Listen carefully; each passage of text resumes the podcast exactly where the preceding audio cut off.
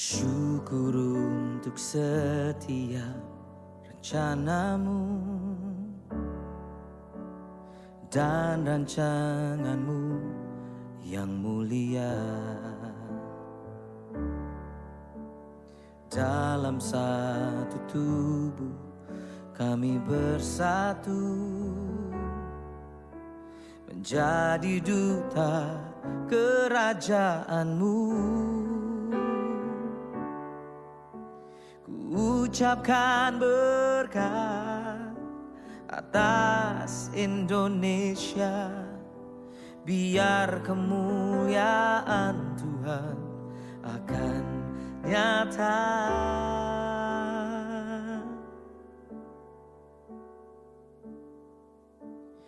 Bagi bangsa ini kami berdiri dan membawa doa kami kepadamu.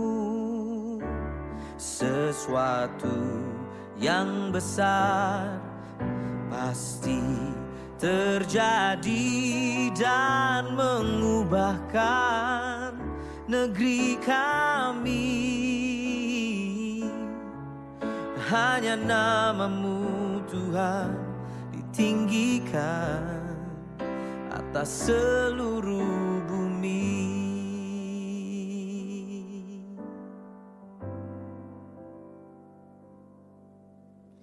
Kami rindu melihat Indonesia pulih dari semua problema. Hidup dalam jalan kebenaranmu. Pancarkan terang kemuliaanmu.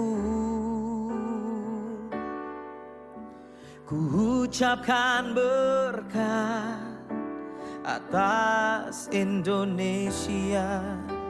Biar kemuliaan Tuhan akan nyata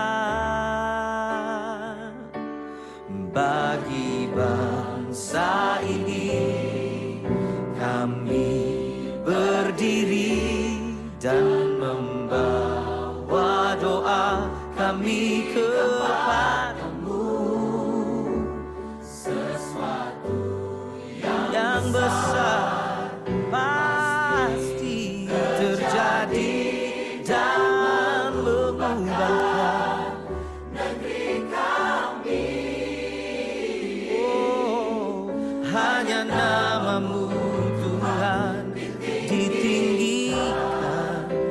seluruh bumi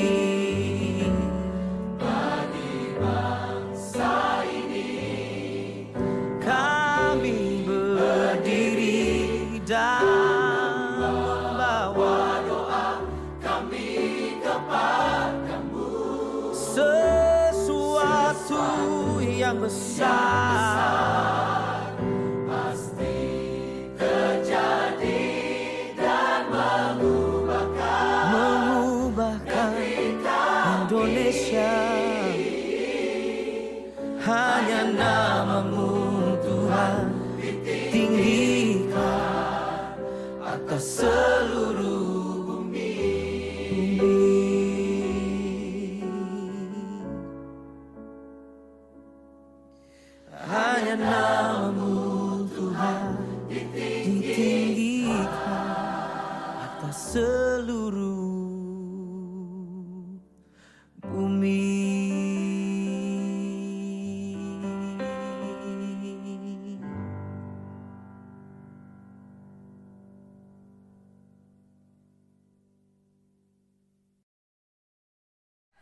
Salam sejahtera bagi kita semua, rekan-rekan pemuda di mana pun berada.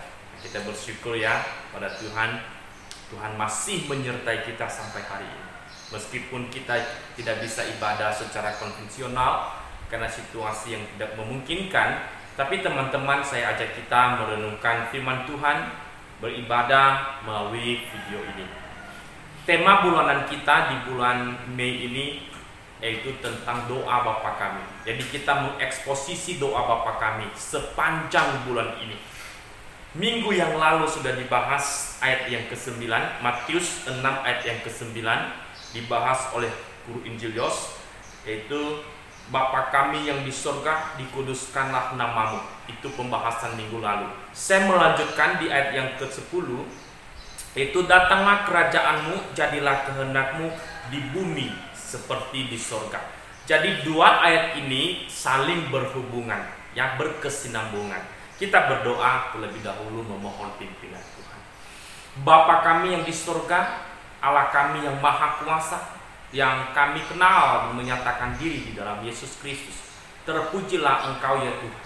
Hari ini kami mau datang kepadamu, memohon hikmat daripadamu.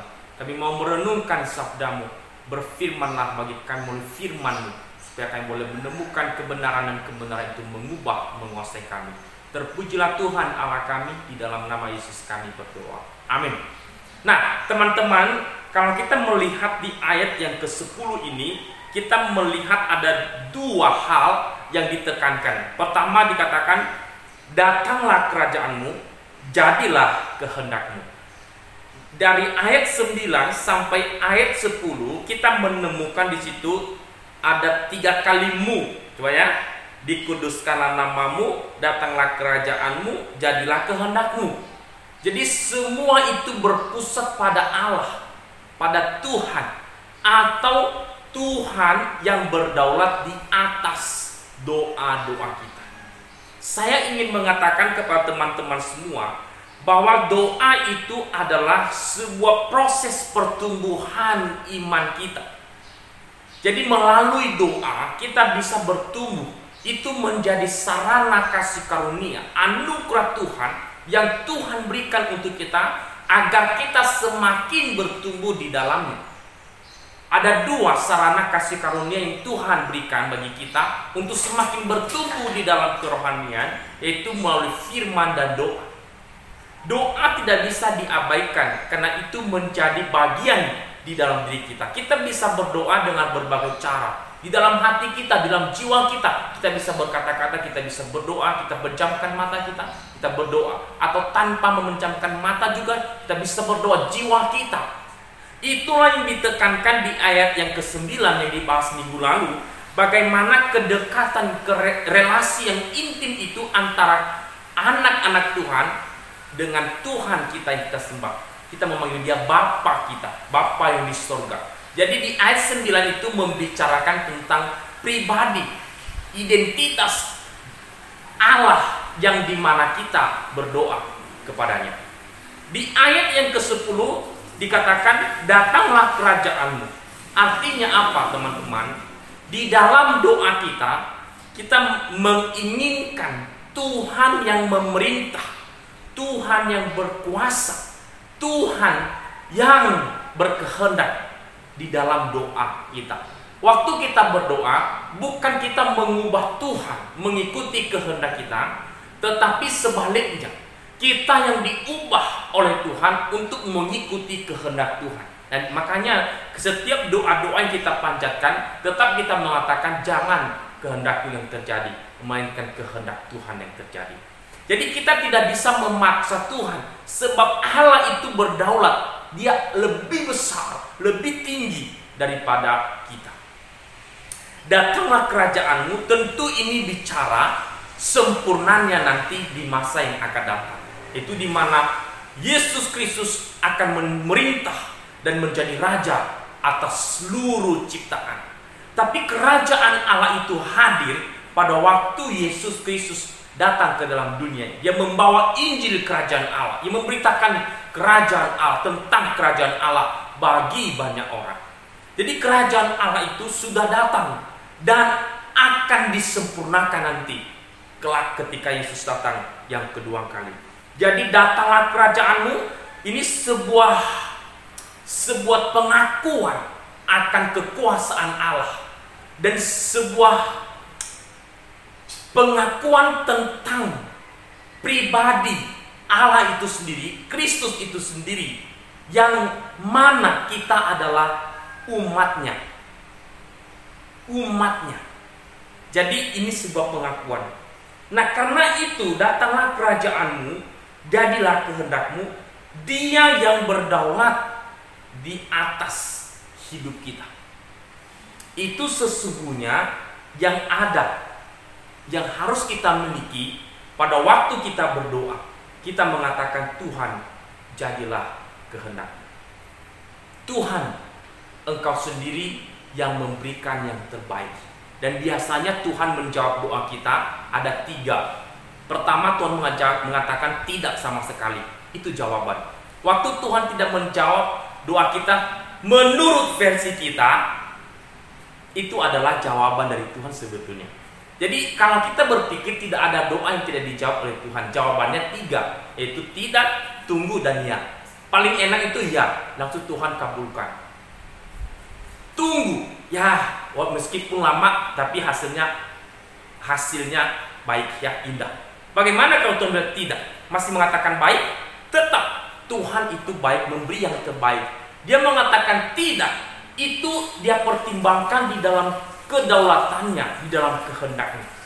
Jadi kalau kita mengaku Tuhan itu yang memerintah atas hidup kita, maka kita juga mengaku bahwa Tuhan itu berdaulat dan berkehendak atas hidup kita. Sehingga kehendak Tuhan itulah yang terbaik yang harus kita terima di dalam doa-doa kita. Nah itu ya teman-teman ya. Jadi ini indah sekali. Jadi firman Tuhan mengatakan datanglah kerajaanmu, jadilah kehendakmu di bumi seperti di sorga. Jadi apa yang Tuhan buat, apa yang Tuhan lakukan, itu sempurna adanya. Ketika kehadiran Tuhan di dalam hidup kita, maka kerajaan Allah itu begitu dekat kita merasakan. Dan jika kita merasakan hadirnya Tuhan di dalam hidup kita, maka itu secara otomatis mengubah mindset kita, mengarahkan hidup kita untuk mengikuti maunya Tuhan, bukan maunya kita. Dengan kata lain, kita ingin mengatakan di dalam doa-doa kita kepada Tuhan, Tuhan, biarlah sesuka hatimu yang terjadi, suka-sukamu ya Tuhan. Itu gampang sekali, suka-sukamu ya Tuhan. Itulah yang membuat kita mem, apa itulah yang memproses kita sebetulnya. Ketika kita mengatakan suka-sukamu ya Tuhan, itu tidak mudah. Kita harus menaklukkan ego kita. Kita harus menaklukkan diri kita. Itu harus dia memaksa diri kita untuk taat. Nah, ini dia taat pada kehendak Tuhan itu. Dan itulah yang dia maksudkan di sini. Jadi ketika teman-teman berdoa kepada Tuhan, ingat Tuhan menjawabnya ada tiga jawaban ia tunggu dan tidak. Dan engkau dan saya harus diarahkan di dalam jawabannya itu. Harus mengikuti kehendaknya itu. Kita tidak boleh kecewa kepada Tuhan ketika kita tidak merasakan, menerima jawaban dari doa kita sesuai kehendak kita. Jadi ubah doamu sekarang, engkau harus berkata, Tuhan, biarlah kehendakmu yang terjadi. Kalau kehendak Tuhan yang terjadi, itu jauh lebih baik dan sempurna dibanding kehendak kita yang terjadi. Tuhan tidak pernah salah. Dia penuh dengan hikmat dan kebijaksanaan. Jadi aku ingin, saya ingin membawa kita taat pada kehendak Tuhan itu yang terbaik. Jadi itulah yang dia mau bagi kita melalui nats ini. Datanglah kerajaanmu jadilah kehendakmu di bumi seperti di surga dan engkau dan saya harus merasakan itu. Berkata Tuhan jadilah kehendakmu di bumi seperti di surga dan biarlah kehendak Tuhan itu yang senantiasa menyertai kita sepanjang hidup kita. Ingat teman-teman, kita tidak boleh memaksa Tuhan di dalam doa-doa kita. Kedua, kita tidak boleh mengubah Tuhan karena doa kita kita yang diubah. Dan ketiga, kita harus mengakui Tuhan yang Maha Berdaulat, Maha Kuasa atas hidup kita. Tuhan memberkati.